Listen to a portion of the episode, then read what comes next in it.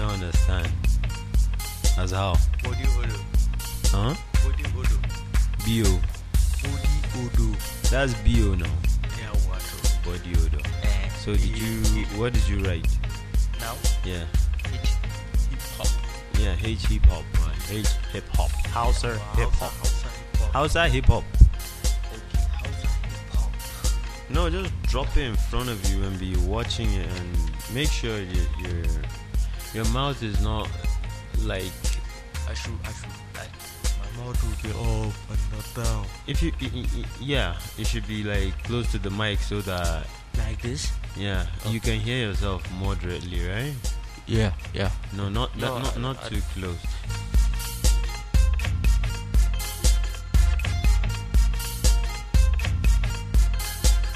So, is this like the first episode of um Hausawa today? Yeah. Wow. that, that that that that that's something. That's something. So, wh- what's up with Hausawa today? So, uh, uh, you know, I should be speaking in Hausa and uh, uh, wato babban matsala da yake fuskantar Hausawa a yau shine Mhm.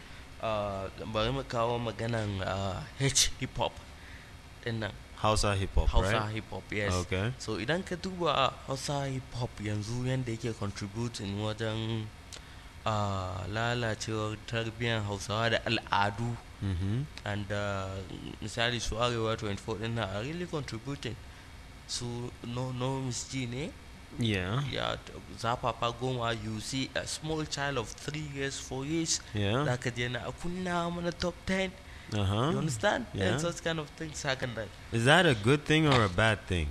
it's actually not a, uh, not a development that's not a development actually That's not a development. yes Why? Why? why- Why do you think it's not a development? you know uh hausawa yanzu Uh huh.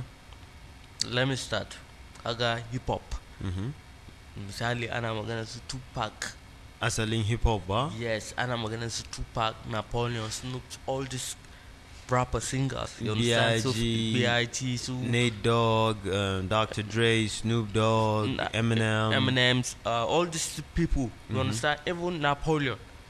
Yeah, Ah, yeah. He's together with Tupac, and now Napoleon total uh, actually converted to Islam. Now he owns a coffee company at Riyadh, Saudi Arabia. Wow, that that that's The something. majority of them understand that they are not doing the right thing and they are converting to Islam. They are converting. They are deviating from that particular thing. Suna canzawa daga wancan uh, abin da suke na waka da sauransu. To amma yanzu abin da za ka duba shine Mhm. 'ya'yan Hausawa, 'ya'yan Arewa, abin da Mm. suka ɗauka kenan suna ganin wannan ci gaba ne. Okay. Wal wannan ba ci gaba ne Ta wani fannin ta wani kenan. fannin.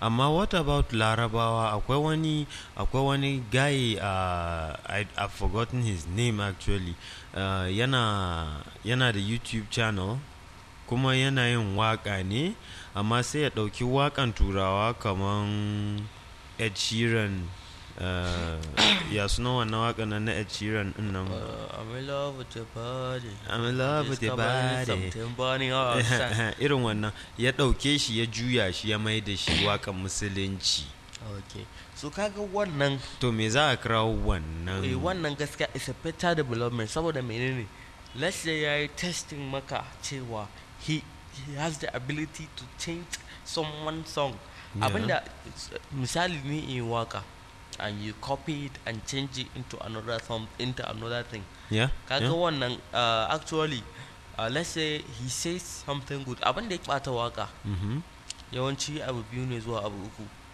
ko a addinance mhm. abin da ya bata waka a addinin musulunci shine abubuwan da kake faɗa a wagan well when it comes to addinin musulunci we are not even supposed to look at music as a career of course amma kuma saboda zamani zan iya cewa waɗansu sun juya shi sun mai da shi ya zama kaman um, abu ne na they, they, they are manipulating negativity in entertainment industry into positive into a positive thing to m- mawaƙanmu yanzu ko su Lil Wayne wayanda suka kawo su shaye-shaye suke eh, Snoop ma ma su ne ko pilot should I say ko pilot pilot na shaye-shaye da sauransu na shan weed da sauransu Hmm. in in ka ce with a menene with wiwi kenan ko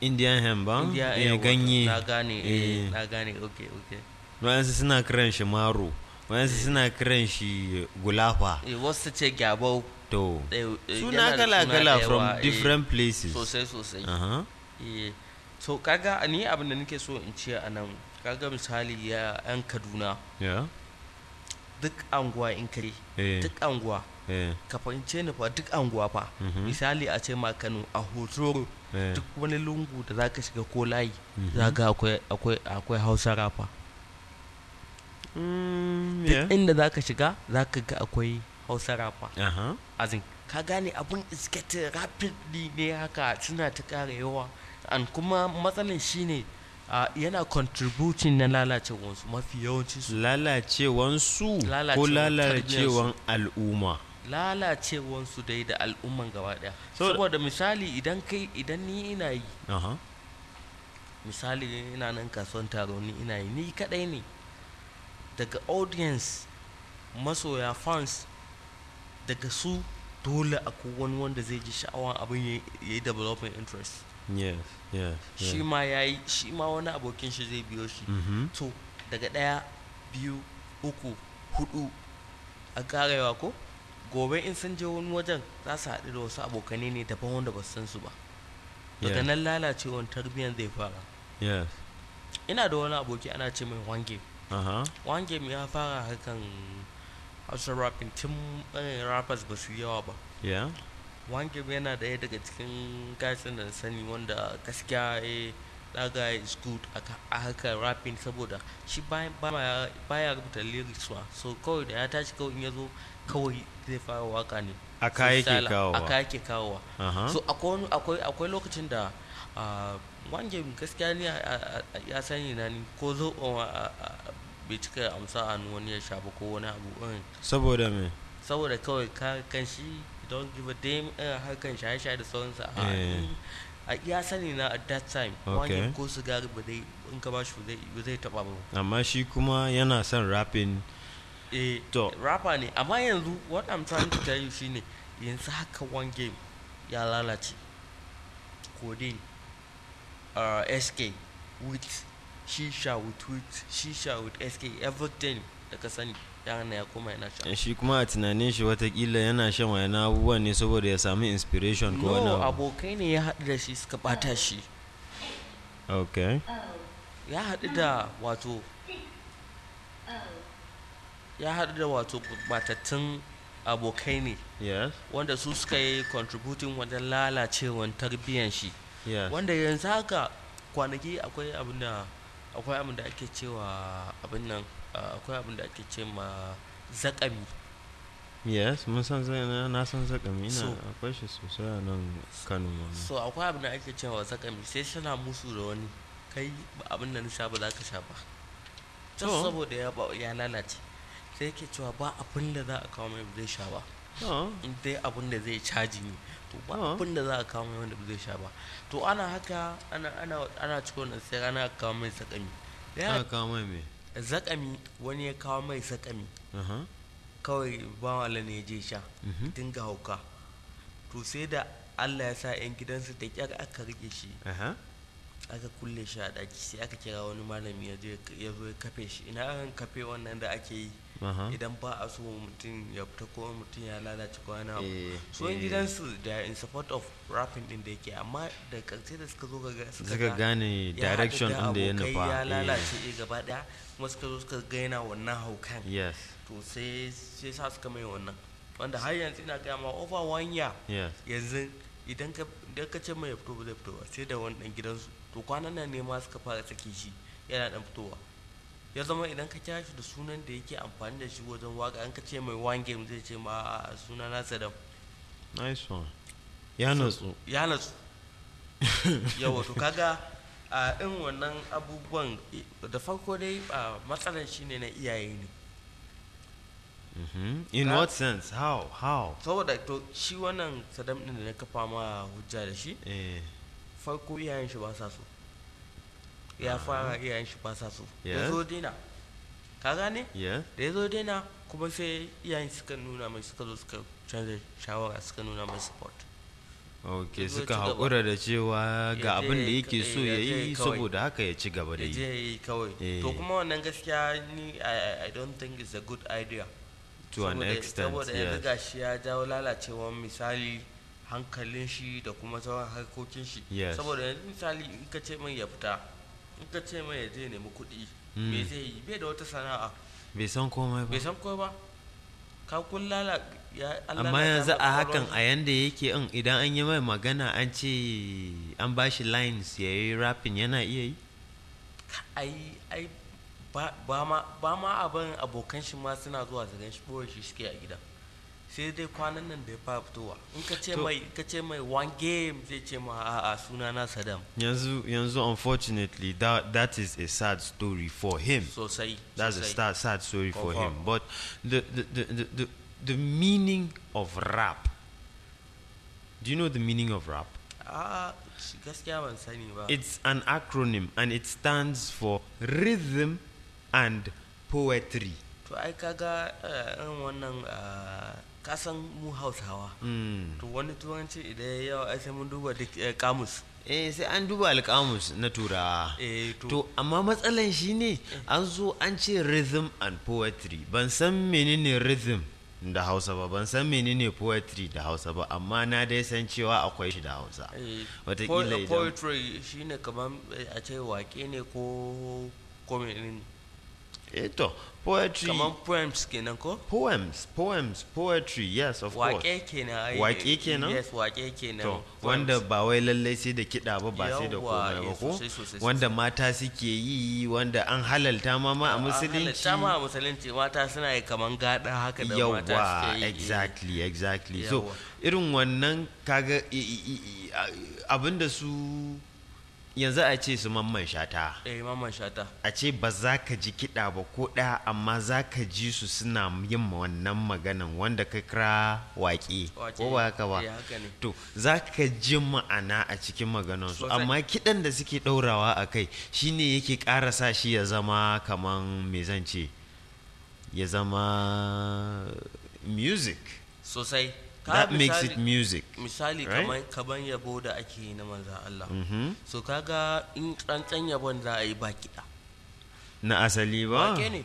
amma kuma yanzu yabon da ake yi da kiɗa sai da kiɗa tana nan a wakanta yanka ji ana yi tun karfe sha biyu har a kaza har sallah asuba ka gani amma kuma wannan kuma kaga ba shi bane ya kamata to kar dai mu shiga fannin da ba namu ba Eh, gaskiya. saboda yanzu Domin kiyayewa. yawa domin Yawa, kiyayewa insha Allah. domin tsaro ba tsoro ba Mm-hmm. eh yawa saboda Yawa. tsaro ba tsoro ba gaskiya ne a ta bakin ka Eh, saboda tsaro ba so, tsoro ba so yanzu Yawa. the, the, the truth is that music is something something to be so, something soothing Oh. dan ya kame mutum down dan ya kwantar wa mutum da hankali wasu suna jin waka ne dan ya kwantar musu da Eh, hankali to. wasu suna jin waka ne saboda ya ya taya su aiki zan yarda da magana kama misali kamar yanzu misali idan ah, mutum ya zo yana waka ton ubanka zan iya kashi kashi dole in yi kashi irin wannan misali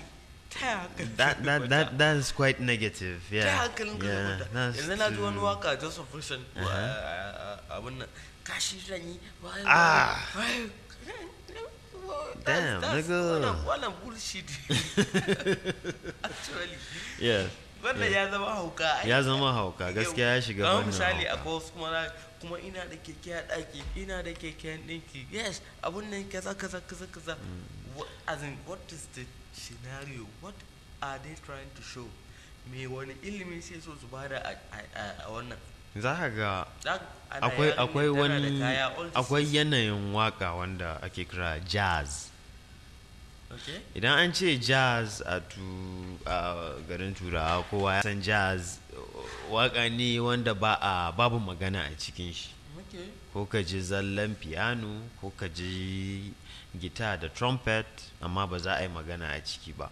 amma kuma a nan nigeria daga ka cewa mutum jazz abinda zai fara zuwa kan shi wai shine sihiri asiri oh to amma a pidgin english actually in pidgin english jazz means black magic Oh, ko ba haka ba asiri sihiri aha to um, amma kuma jazz yanayin waka ne akwai wani movie mama da ya suna wannan gayan eh, na manta sunan nigerian actor wannan wanda ya je har america ya yi wani movie da vivica fox ko is that her name Vivi- vivian fox ne ko vivica fox ne ta sai ya- wani abu da ya faru sai yake ce- wani a cikinsu sai yake cewa "Ah, i love listening i love listening to jazz sai kawai sai sai ya- ya tashi yana cewa ah you see na jazz she don dey do am jazz na jazz she dey do am o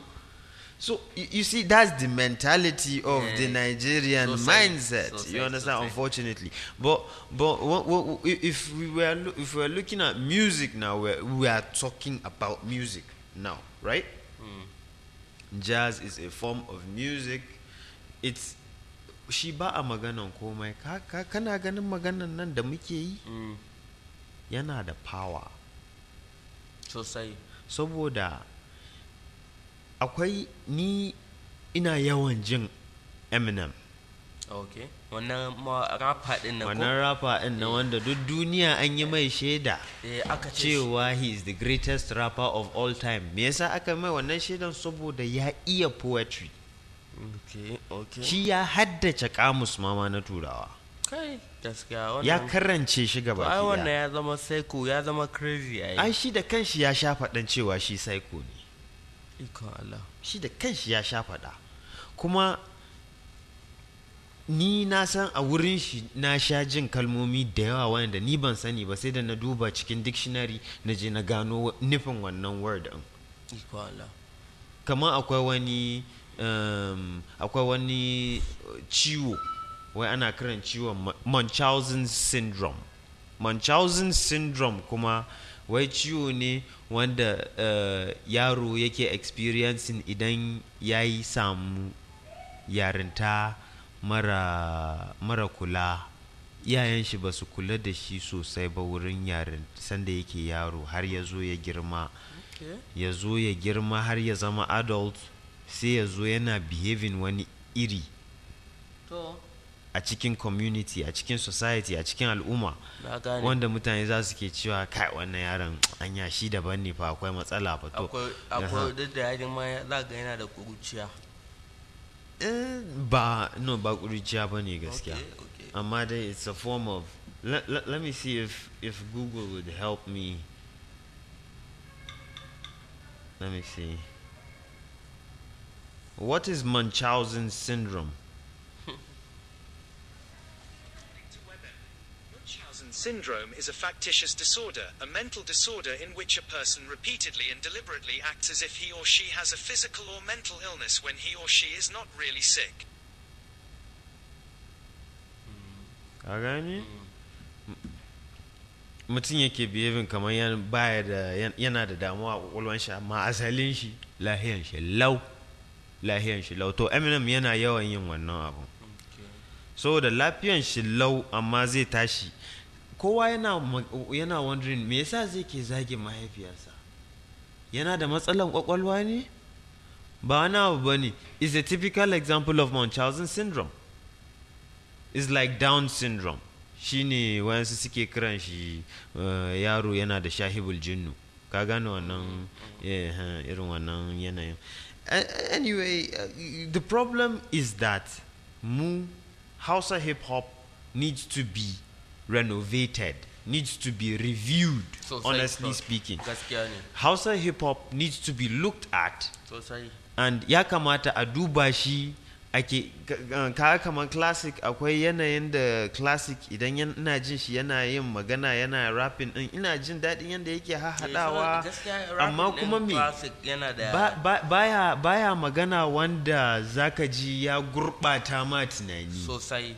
baka ji ya Sometimes. gurɓata ma tunani Although amma akwai kuma habaici a akwai maganarsa, amma habaici. waƙar shi is quietly alright It's Saboda quite yana mature. waƙa sosai, Wallahi, it's- it's quite mature. Akwai- Mhm. amma kaga misali kamar a ce maka akwai wani ah, Mm. mawaƙi Mhm. wanda shi abu kaɗan ƙarya abu kaɗan ƙarya eh, ba kamar Ah, aka ce a garin kano yake shine wanda ake ce ma wai jikan ah, ado bayero to kuma Eh. wa- wannan ni ban san shi ba Wai Eh, da- daga yana waka sai ka ji yana cewa ai ni na san waje kaza ni na san yar wacce kaza kaza kaza kaza kaza kaka to irin wannan du- abubuwan duk wa'annan duk wannan mutanen abubuwan kaga they are not okay It's Ah, not saboda okay. kuma ya kamata tun da dai hit hip hop din nan eh, ni zan- zai iya cewa ya samu karbuwa Mm-hmm. ya samu karbuwa kuma abu ne wanda baya duk babu wanda ya isa ya tsayar da shi saboda abu ne wanda zai ci gaba abin da nake gani shine Yeah. ya kamata a ce a samu kwamiti da Yeah. za su dinga grouping watan wa'annan wanda suke da interest akan wannan hip hop din saboda gane? Eh. kaga gasken magana gasken magana ko a america akwai kwamiti inda suke duba abin da ake faɗa a hip hop sosai sosai to ya kamata a samu kwamiti idan ma kara ma ilimi kara ilimi za a yi min masu Mm-hmm. kwaɗayin wannan abin a kara musu ilimi idan za a gyara musu tunaninsu ne ka gane ya Mm-hmm. zama suna meaningful abu ka kama akwai wani- akwai wani tsohon mawaƙi a ya musulunta Mm-hmm. ana ce buna muhammad okay buna Ba- muhammad dama is a musul- rapper musul- musulunta ya yi dama eh la sarki Buddha Muhammad is one of the guys uh, min- my, uh, uh, walking around with Tupac. okay So Muna Muhammad in yana wa'azi he- he- yana wa'azi ne a formin na rapid. yeah yeah Na gan shi a kasuwa just rapping, hey, convert to Islam if Allah you count sarki. this, this, these blessings and Allah all this and sarki. all this. So such kind of things. yeah To ya kamata a ce we have such kind of rappers a nan wanda eh at least ko ba komai za ku yi wa'azi ne a rapping din da kuke yi ko Yeah. ba komai. yeah sannan a samu ko da wata kankanuwar makaranta ne Mhm. a yi grouping a koya wa mutane idan har ya zama sana'a kenan mm. amma in ko kawai dai wani salo ne na wan- na wani ka ɗauko kai ka nuna kai ka iya kai wani Eh, ne kai kana ma gaba da ka wani zama a waka kusa. kana zagin wani a waka to Eh. gaskiya wannan is totally dismounted Eh, gaskiya it's totally inappropriate gaskiya yawwa maganan Bai gaskiya kai- bai- kenan bai kamata saboda ba. yaran mu na arewa yanzu suna ƙara lalacewa da taɓarɓarewa ƴaƴan musulmai eh, su asalin manya-manyan kafiran da suke yi su suna ajewa ko kuma kuna ɗaukowa to ka gani ai- an yi ba a yi ba kenan kenan kenan kaga an ci baya an ci baya kenan maganan gaskiya kenan Gaskiya. to To ni yanzu- shine dai maganan da zan yi gaskiya akan ah, mawaƙan nan a a dai yanzu haka dai gaskiya a halin da ake ciki Ga- insha Allah gas- gaskiya wannan magana da kai ya yi kyau kuma allah ya sa mutane su ji kuma su Amin. gane Amin. kuma mu ma from our own side we are going to try our best to, Insha Allah, to insha- motivate and try to uh, change the mindset of yaranmu saboda sosai. mu mu- waka mun daɗe muna jin shi sosai kuma waka ban jin abu ne wanda zai tsaya kwanan nan abu zai tsaya ba waka dai kam. yana nan saboda badujala ce ai ba dujala ce Yawwa. Duk- duk masu gyara hanyar zuwan dujal ne kuma Sosai. dujal din nan dai alkawarin allah ne cewa zai zo Zai zo kuma zai bayyana sosai sosai to sosai allah ya sa mu dace Amin, amin. allah ya sa kowa da kowa ya gane kuma allah ya daidaita mu ta farkin hanya mai kyau hanya madaidaiciya insha madaidaiciya, Allah eh inda ya kamata eh, muna godiya Ah, To, um, jama'a, assalamu alaikum. I hope you enjoyed this edition of um, Hausawa Today. to this is Ahmad Adam from my side Hausawa today on the go And this is Ismail Malik checking out. Peace.